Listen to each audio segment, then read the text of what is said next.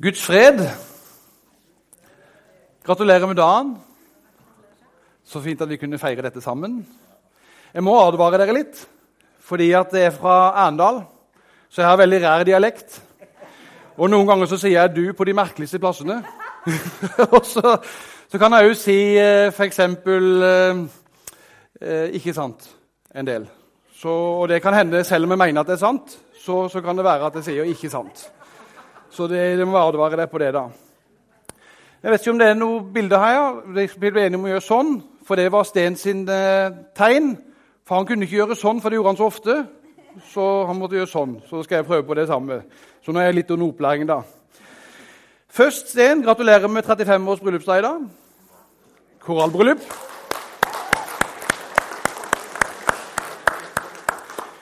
Så jeg har lyst til å bare si første møtet mitt med Sten. Jeg kan ikke huske nøyaktig hva det var, men jeg kan huske første gang han skulle sove hos oss.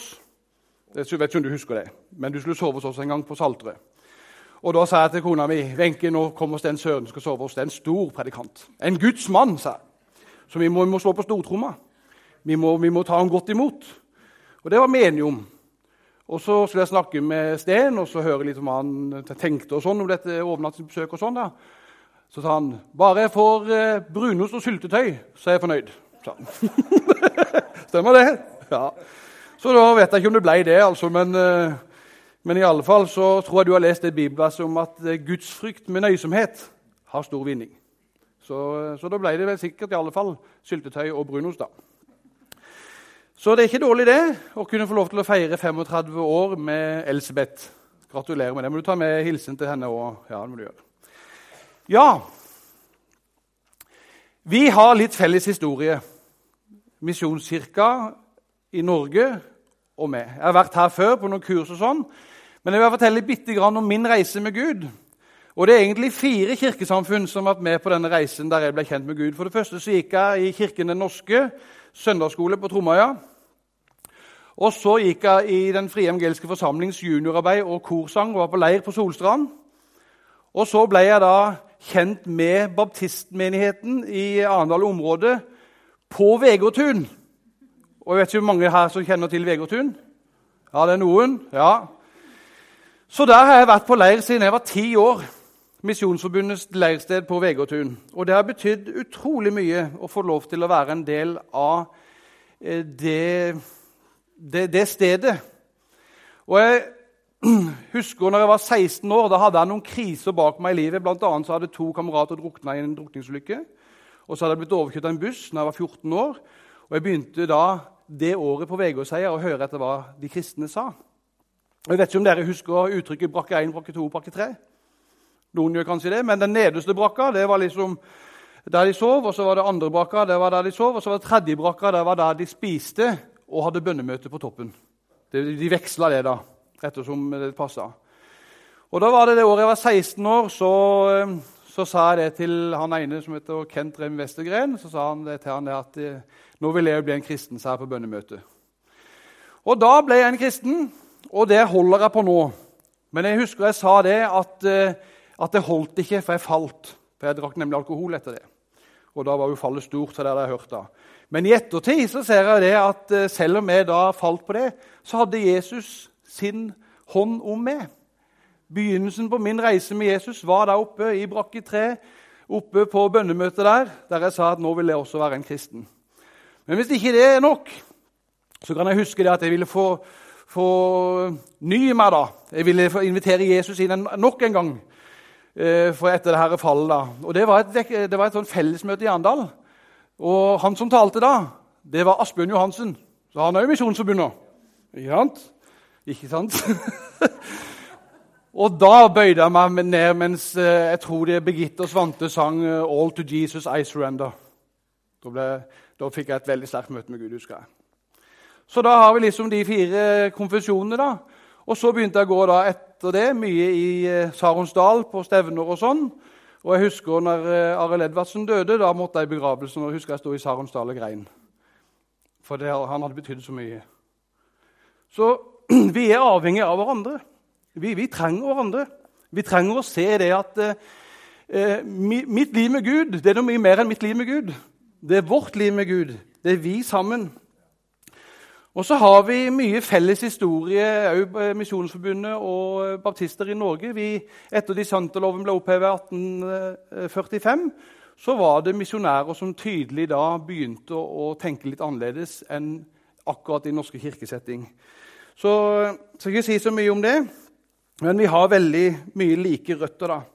Og det mest sentrale for oss alle det er det at vi er glad i Jesus. Jesus han har forandra vårt liv. Han har eh, forandra vår tilværelse, og vi får lov til å peke på han og synliggjøre at han er Messias, den levende Guds sønn. Akkurat sånn som Peter sa.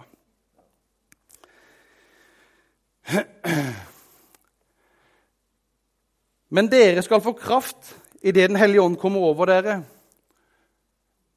Og dere skal være mine vitner i Jerusalem, hele Judea, i Samaria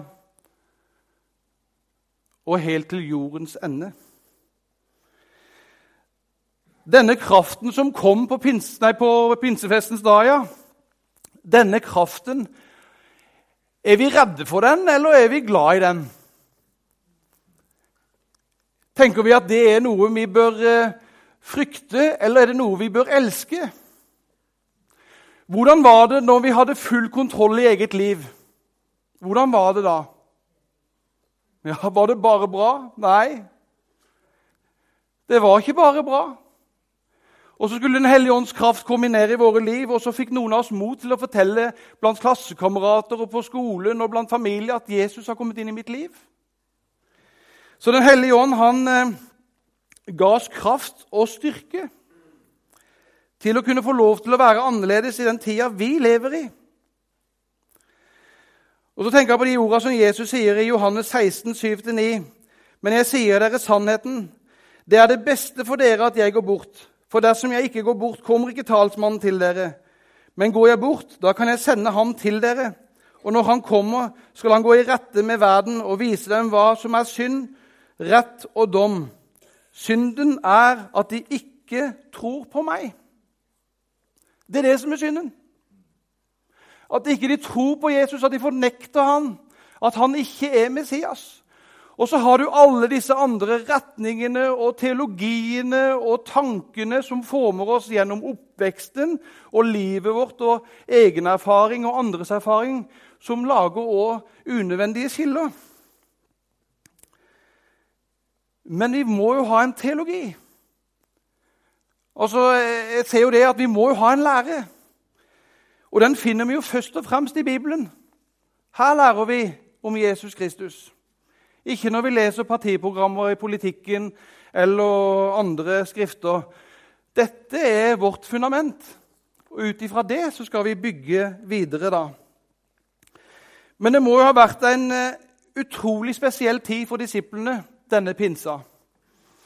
For Disse var jo jøder, og de kjente jo til løfter fra lang lang tid tilbake om at Messias skulle komme. Og generasjoner hadde jo dødd uten at dette skjedde. Så hvor lang tid nå måtte de vente? Det hadde vært mye nederlag, og det hadde vært mye seire. For så må det ha vært stort å være til stede når Lasarus vekkes opp fra de døde.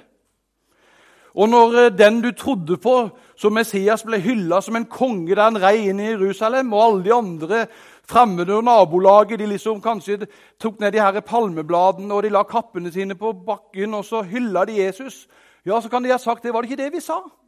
Dette er kongen vår. Og Så går det noen dager, og så henger han på et kors, og alle disiplene er kjemperedde. Det er bare kvinnene som våger seg fram til Golgata og, og til eh, dette stedet der Jesus ble korsfesta. Mennene var vekk. De som virkelig skulle være sterke og tåle en støyt, de torde ikke det. Og så er det jo da den gode fortellingen da på påskemorgen som vi synger 'Slukker sorgen' da Jesus sto opp igjen, og kvinnene de sa det at uh, han, han, lever, og de tror ikke på de, og, og, alt det her. Og så plutselig står han der midt iblant dem. Det må ha vært en fantastisk dag. Og Da tenkte de kanskje at nå skal han gjenreise riket for Israel. For nå er han stått opp og viser all sin makt, så nå kommer jo romerne til å få problemer. Nå skal vi jage de på dør. Men så ble det ikke sånn denne gangen heller. Han vandrer og lærer disiplene i 40 dager, og så blir han røkka opp. Og hva nå? Så står det noen engler igjen der og sier at galileiske menn, hvorfor står dere og stirrer opp til himmelen? Denne Jesus som dere så fare opp, han skal komme ned på samme vis. Og så tenkte jeg kanskje, hvor lenge må vi vente nå, da? Må vi vente én generasjon, to generasjoner? Er det neste uke? Er det 14 dager? Er det 50 dager? Eller hvor, hvor mange dager er det nå? Hvor lenge må vi vente? Vi er lei av å vente. Vi er trøtte av det. Og de visste ikke helt hvordan det skulle være.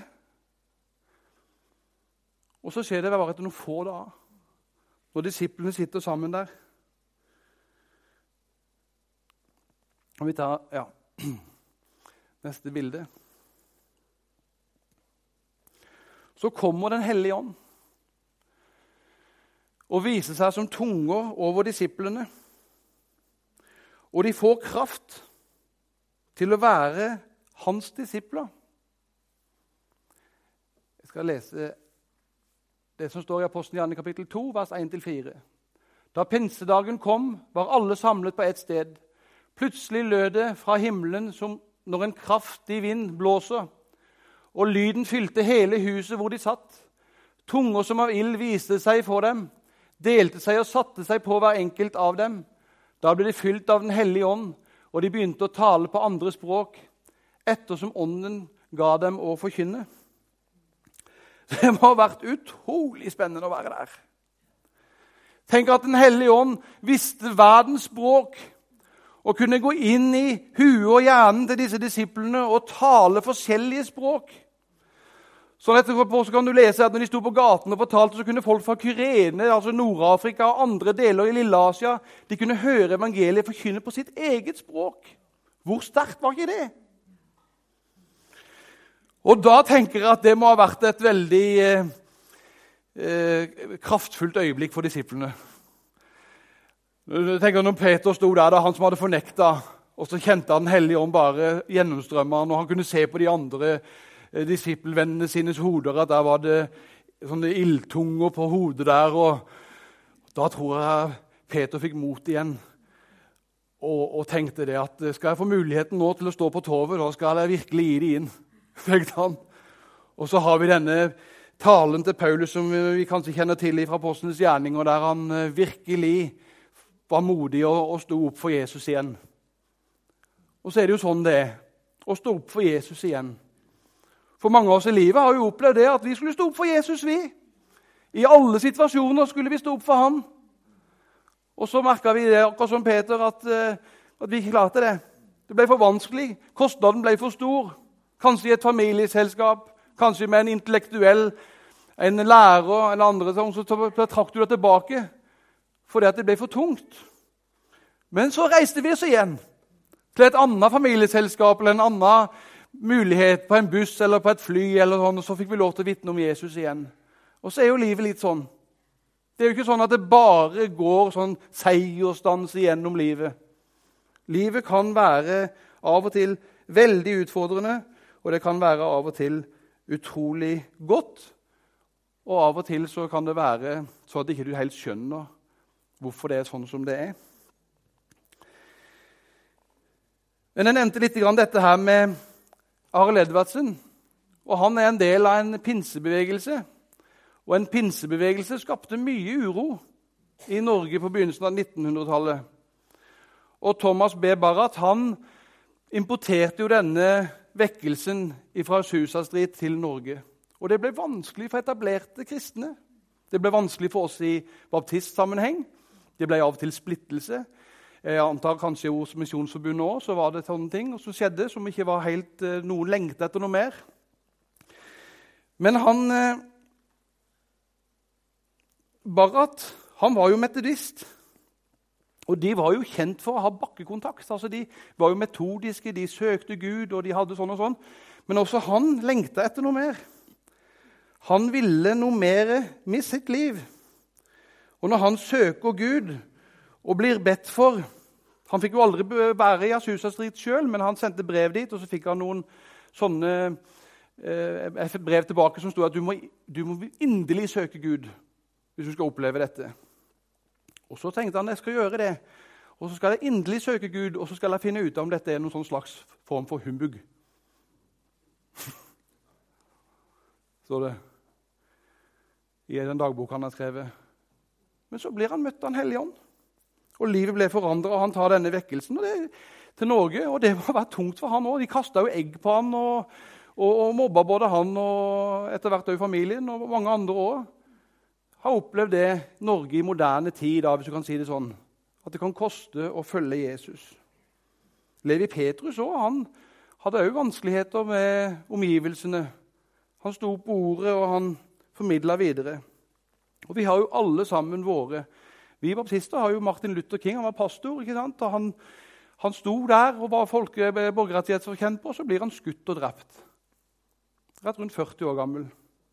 Det koster av og til å følge Jesus. Det koster av og til å være leda av Den hellige ånd. Jeg vet ikke når du tenker at Den hellige ånd kommer til jorda. Er det da på pinsefestens dag, eller har han alltid vært der? Jeg tenker jo det at han er en del av treenigheten og alltid vært der. Er ikke noe sånn, eh, han er ikke noen nykomling. Han er ikke en ufaren eh, del av treenigheten som ble skapt på pinsefestens dag. Jeg tror at Den hellige ånd er en del av treenigheten og har alt med seg av erfaring, kraft, styrke, visdom til å forandre menneskers liv. Og Det første jeg kunne finne av tegn på Den hellige ånd i Bibelen, det var dette bibelverset her fra 1. Mosebok kapittel 1-2. Jorden var øde og tom, mørket lå over dypet, og Guds ånd svevde over vannet. Det tror jeg. Der var Den hellige ånd. Som en del av treenigheten som en del av de tre som vi har navn på, og det er Gud, Jesus og Den hellige ånd. Det er fort å tenke det at eh, det er Gud alene. Og det er jo det òg. Men hvordan skal en kunne klare å forklare det? Og Der hørte jeg en gang en eh, enkel forklaring. At du må se på, på treenigheten som som H2O. H2O. Og det er samme beskrivelsen på vann, på damp og på is. Alt er H2O, men de fremtrer i tre forskjellige skikkelser.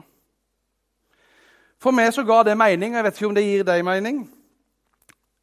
Men det er noe mer og Den hellige ånd han, han tror jeg kanskje blir lurt til å glemme litt. Sånn som pinsehøytiden, f.eks. Den er jo en sånn bortgjemt høytid. Det er en høytid som, eh, som, som vi liksom kommer gjennom. Det er fri på mandag, og sånn, og så er det hyttemuligheter og andre ting. og Nå, nå snakker ikke jeg ned det. det forstå. Jeg har sikkert vært på ferie i pinsa før, jeg òg. Det er ikke det. Men, men, det er sånn bortglemt. Kanskje vi skal bli litt mer glad i den igjen? Kanskje vi skal bli litt mer glad i pinsehøytiden? Kanskje vi skal tenke på det at eh, da feirer vi at den, den, kraften vi fikk til å kunne bekjenne Jesus, den kom da.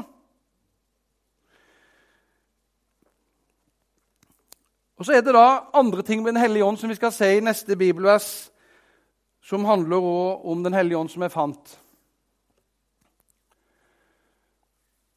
I første Mosebok kapittel 1 vers 26 og første delen der.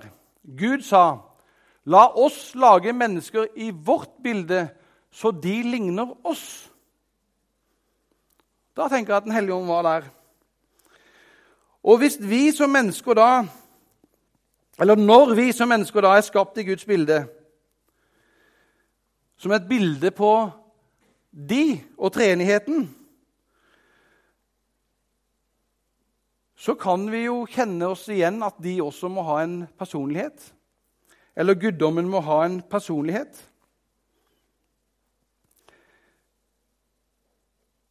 Og sånn som vi har forskjellig personlighet. Vi reagerer jo på forskjellige ting. Du kan bli glad for noe som andre ikke blir så glad for. Du kan bli rørt av noe som ikke andre blir så veldig rørt av. Det ser jeg når for kona mi har med seg film, for eksempel, da kan hun grine. og så ser ikke jeg det helt. og så av og til kan det være motsatt òg. Kan jeg liksom være rørt, og så, og så og griner du for. Ja, det var jo så mye godhet der, og, og vennlighet og sånn. Og, å ja, ja. Så, så griner vi. Vi er forskjellige personligheter. Og så kan vi også bli såra av noe som andre ikke blir såra av. Og så er det noen som kan være litt mer nærtagen enn andre. Og så er vi veldig, veldig forskjellige. Og når Gud da skaper oss mennesker i sitt bilde, som et bilde på guddommen, da er, det, da, er det, da er det nærliggende å tenke at også guddommen har øyne, hender, følelser, skaperkraft, ører, humor, følelser og annet som vi kan kjenne oss igjen i. For vi er jo et bilde på guddommen. Og når eh, guddommen ler av noe, så er det ren humor. Det, det, er, ikke, det, er, ikke noe, det er, ikke, noe, grovt. For det er hellig. Det er, det er, på et helt annet nivå. Når guddommen eh, av et eller annet som de synes sånn, så kan det kanskje være små barn eller oss som gjør et eller annet sånne ting, og, sånn, og, og de kan vise det at dette er humoristisk sånn òg, men, men, det er alltid anstendig. For guddommen er annerledes enn oss, for vi vet jo at det ikke alltid kan være like anstendig. Vi kan jo ta litt av, sikkert på til og med predikantkonferanser, så kan jo ting av og til ta litt av.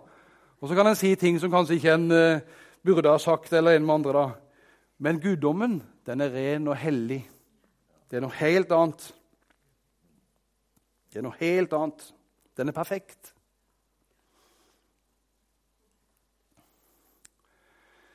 Så er det dette bibelverset igjen, da. Men dere skal få kraft når Den hellige ånd kommer over dere. Og dere skal være mine vitner i Jerusalem og hele Judea, i Samaria og hele, helt til jordens ender. Og hva er denne kraften der, da?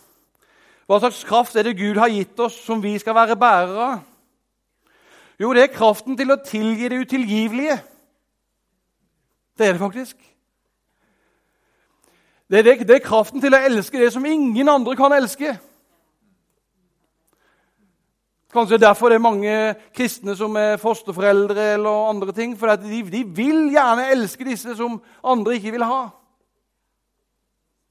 Og Mange kristne jobber i omsorgsyrkene og andre ting, og, og, de holder på med mennesker som kan være veldig vanskelig å vriene. Sånn Men hvorfor er det det, da?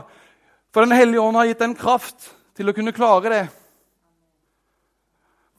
Og så er det faktisk sånn av og til at Den hellige ånd sier det at for å ta vare på deg selv, så kan du ikke lenger gi deg over til det og det mennesket. Men da må du lytte til Den hellige ånd. For at mennesker er veldig forskjellige. Det fins ikke ett menneske som er håpløst. Men det fins kanskje ett menneske som er for vanskelig for oss til å kunne klare. Og da vil kanskje vi måtte gå i forbønn med at Gud måtte sende noen andre. da. Men Hellig Ånd vil alltid være der for den som måtte trenge det. Og Den hellige ånd han vil gi oss mot midt i motløsheten. Det er sånn Den hellige ånd kan.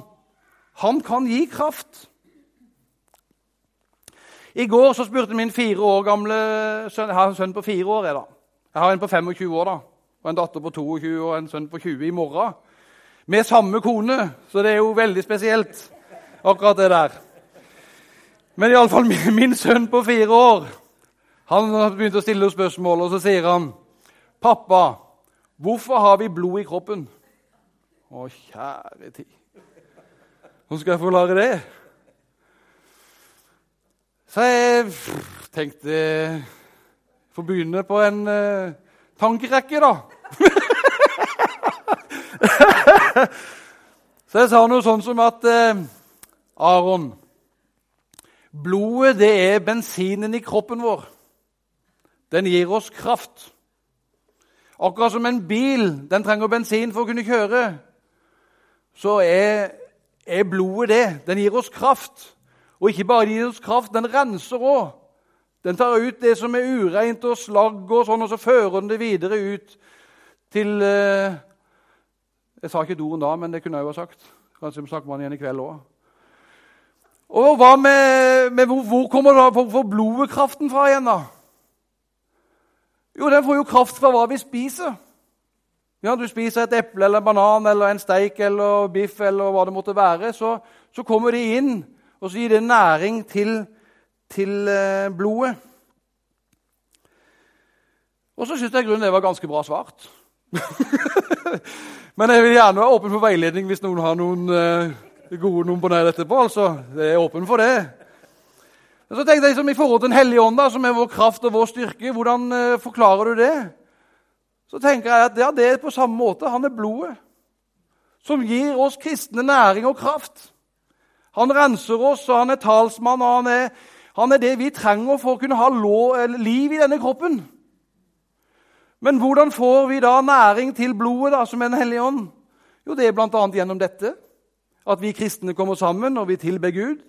Det er gjennom lovsang og tilbedelse, gjennom forbønn, gjennom bibellesning, gjennom sanger. Alt dette blir en åndelig mat for oss som gjør at Den hellige ånd kan virke i oss og gjøre sine ting.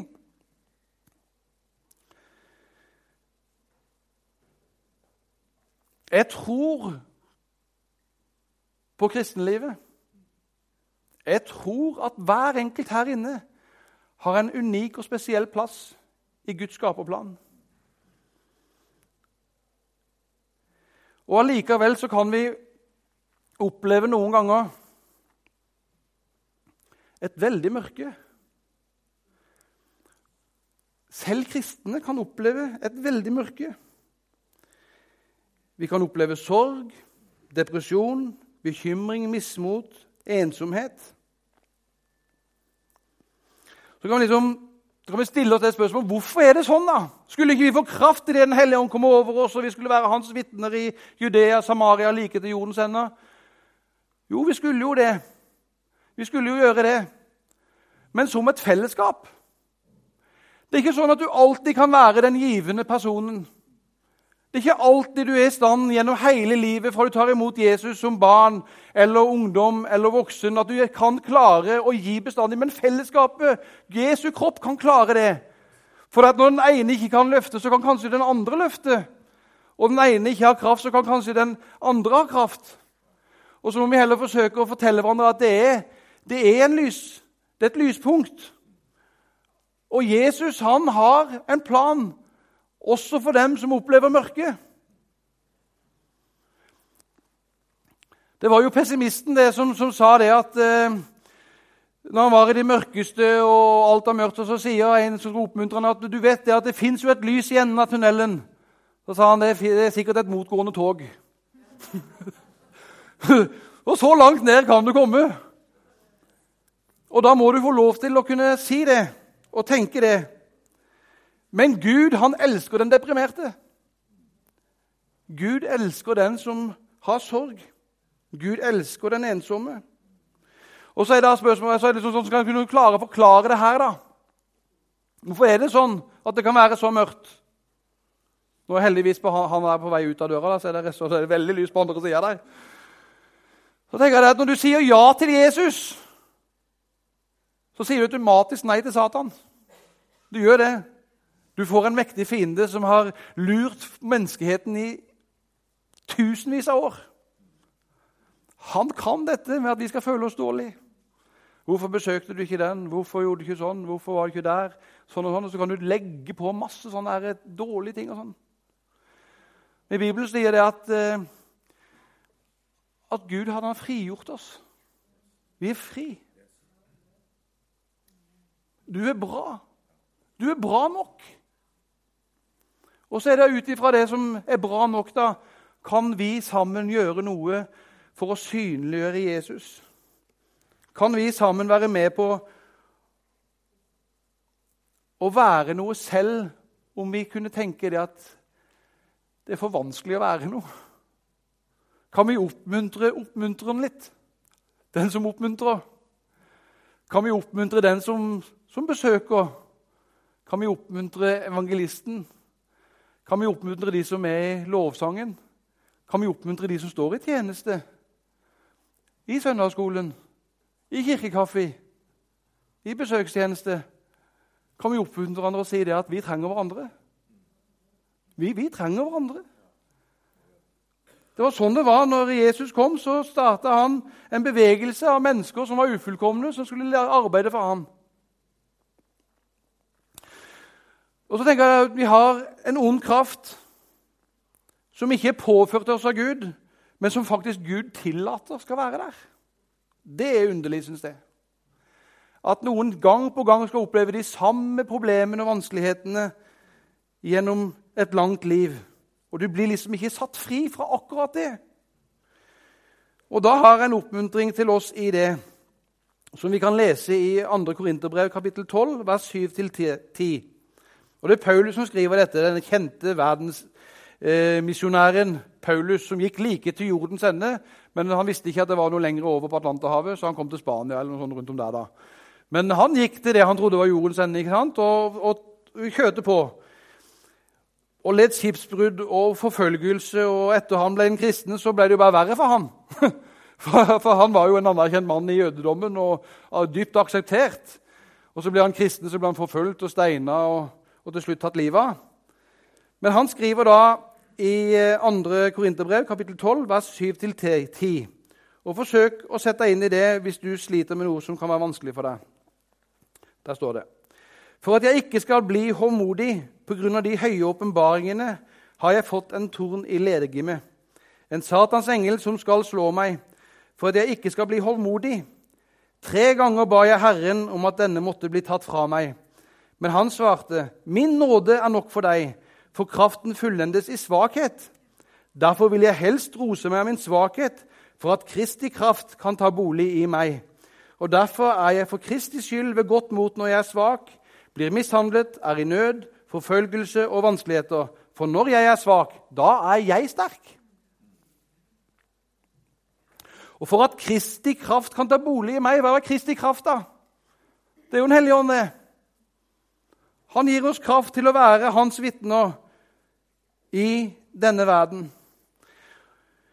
Og sånn tror jeg det vil være Helt til vi kommer til Johannes' åpenbaring, ser vi det i kapittel 21 om at han skal tørke bort hver tåre fra våre øyne. Døden skal ikke være mer. Ikke sorg og smerte. For det som før var, det er borte. Da er det borte, når vi får se hans herlighet og være sammen med han. Men vi må av og til kunne kjenne på det, at det er ikke alltid bare en dans på roser å følge Jesus. Lynn Andersen synger en sang om I beg your pardon, I never promise you a rose garden. Og det er heller ikke Jesus lovt oss. Han har ikke det. Uansett hvor herlig herlighetsteologien var, så, så, så, vil det være smerte og vanskeligheter fra tid til annen. Og han har lovt oss å være med oss i det. Og Så har jeg vært inne på dette her med Den hellige ånd som personlighet. Og Da tror jeg faktisk at det går an å gjøre Den hellige ånd sorg. Jeg tror det går an, akkurat som du kan bli sorgfull fordi at eh, venner ikke tar kontakt med deg, eller eh, menigheten kanskje svikter på en eller annen måte, så går det an nå å gjøre Den hellige ånds sorg. Og Her står det i Efeserbrevet kapittel 4, vers 13-32.: Gjør ikke Den hellige ånds sorg, for ånden er det seil som dere er merket med helt til frihetens dag. Slutt med all hardhet og hissighet, med sinne, bråk, spott og all annen ondskap. Vær gode mot hverandre, vis medfølelse og tilgi hverandre, slik Gud har tilgitt dere i Kristus. Så i de punktene der vi eh, kanskje skriver stygt om andre, vi opplever at eh, at uh, vi snakker stygt eller en med andre, da, de tingene står her, så kan vi gjøre Den hellige ånd, for Den hellige ånd påvirker oss til å gjøre det motsatte. Den hellige ånd vil at vi skal vise vennlighet, godhet, kjærlighet og omsorg. Og Så er det da dette oppdraget som Jesus gir oss. Men dere skal få kraft i det Den hellige ånd kommer over dere, og være vitner. Hvor vil det være, Hvor vil det være at vi er vitner, da? Må sette inn i vår kontekst. Her vi er i Stavanger. Vi er en menighet som nå har samarbeid med Den frie evangeliske forsamling, der vi leier lokaler hos de. Og så har du Salem rundt der, så har du Misjonskirka her, så har du Karisma og IMI og, og disse tingene her rundt forbi i byen her. Og da er jo vi avhengig av hverandre. Det er jo over 130 000 mennesker i Stavanger. Og vi, vi kunne jo aldri klare det i Stavanger baptistmenighet, og det kunne ikke dere klare heller, tror jeg da. Kanskje. Det blir for mange. Vi trenger hverandre. Det er ikke bare at vi trenger hverandre inn i menigheten, men vi trenger hverandre som kristen fellesskap. Vi trenger å velsigne hverandre. Og Når jeg hører om fra folk som er blitt frelst da, i den ene eller andre konfesjonen, så bare takker jeg Gud. Og så tenker jeg at, eh, at deres seier, det er min seier. Det som skjer der som er bra, det er bra for meg. Det er bra for oss. Skal vi ta tror jeg siste bildet her. Så da skal vi være Jeg vet ikke altså hva, hvordan jeg tenkte på det, Stein. Det var helt tilfeldig at du er fra Haugesund. altså. Men jeg tenkte liksom eh, at det næreste, da, Judea, det var liksom Stavanger for oss. Og Samaria det var liksom langt over der til Haugesund. Ja. for det, det, var innenfor rekkevidde, kan du si. Så, eh, så, er det da like til jordens ende. Da kunne jeg ikke komme lenger enn til Australia. da. Og på alle disse plassene her nå så er jo evangeliet. Men så er det da å styrke hverandre i det. Det å kunne oppmuntre hverandre til å stå for Jesus. Det å kunne få lov til å være noe for hverandre. Jeg vet ikke hvordan det er med deg i ditt liv, og om det er noen som kunne spilt litt piano, men, men, jeg tror det at det er noen her som kunne tenke det at jeg skulle ønske jeg hadde kraft, den kraften Den hellige ånd kan gi. Og Jeg har lyst til å åpne opp litt for forbønn på det. Jeg har lyst til at du skal kunne komme fram her først du som ønsker det, at Den hellige ånd skal eh, gi deg kraft. Jeg har opplevd det tidligere, og det å kunne komme fram og synliggjøre for andre, og, og sånn også, så kan det være noe. Du ser hvordan det fungerer. Kan vi være litt stille, be til Gud? Be om at Den hellige ånd skal vise deg noe. At vi ikke skal være redd for Den hellige ånd. At vi skal se på Den hellige ånd som en venn. Og så ser vi hva Den hellige ånd kan gjøre her i formiddag. Hvis du ønsker forbønn, så kan du komme fram. Jeg skal be en enkel bønn for deg.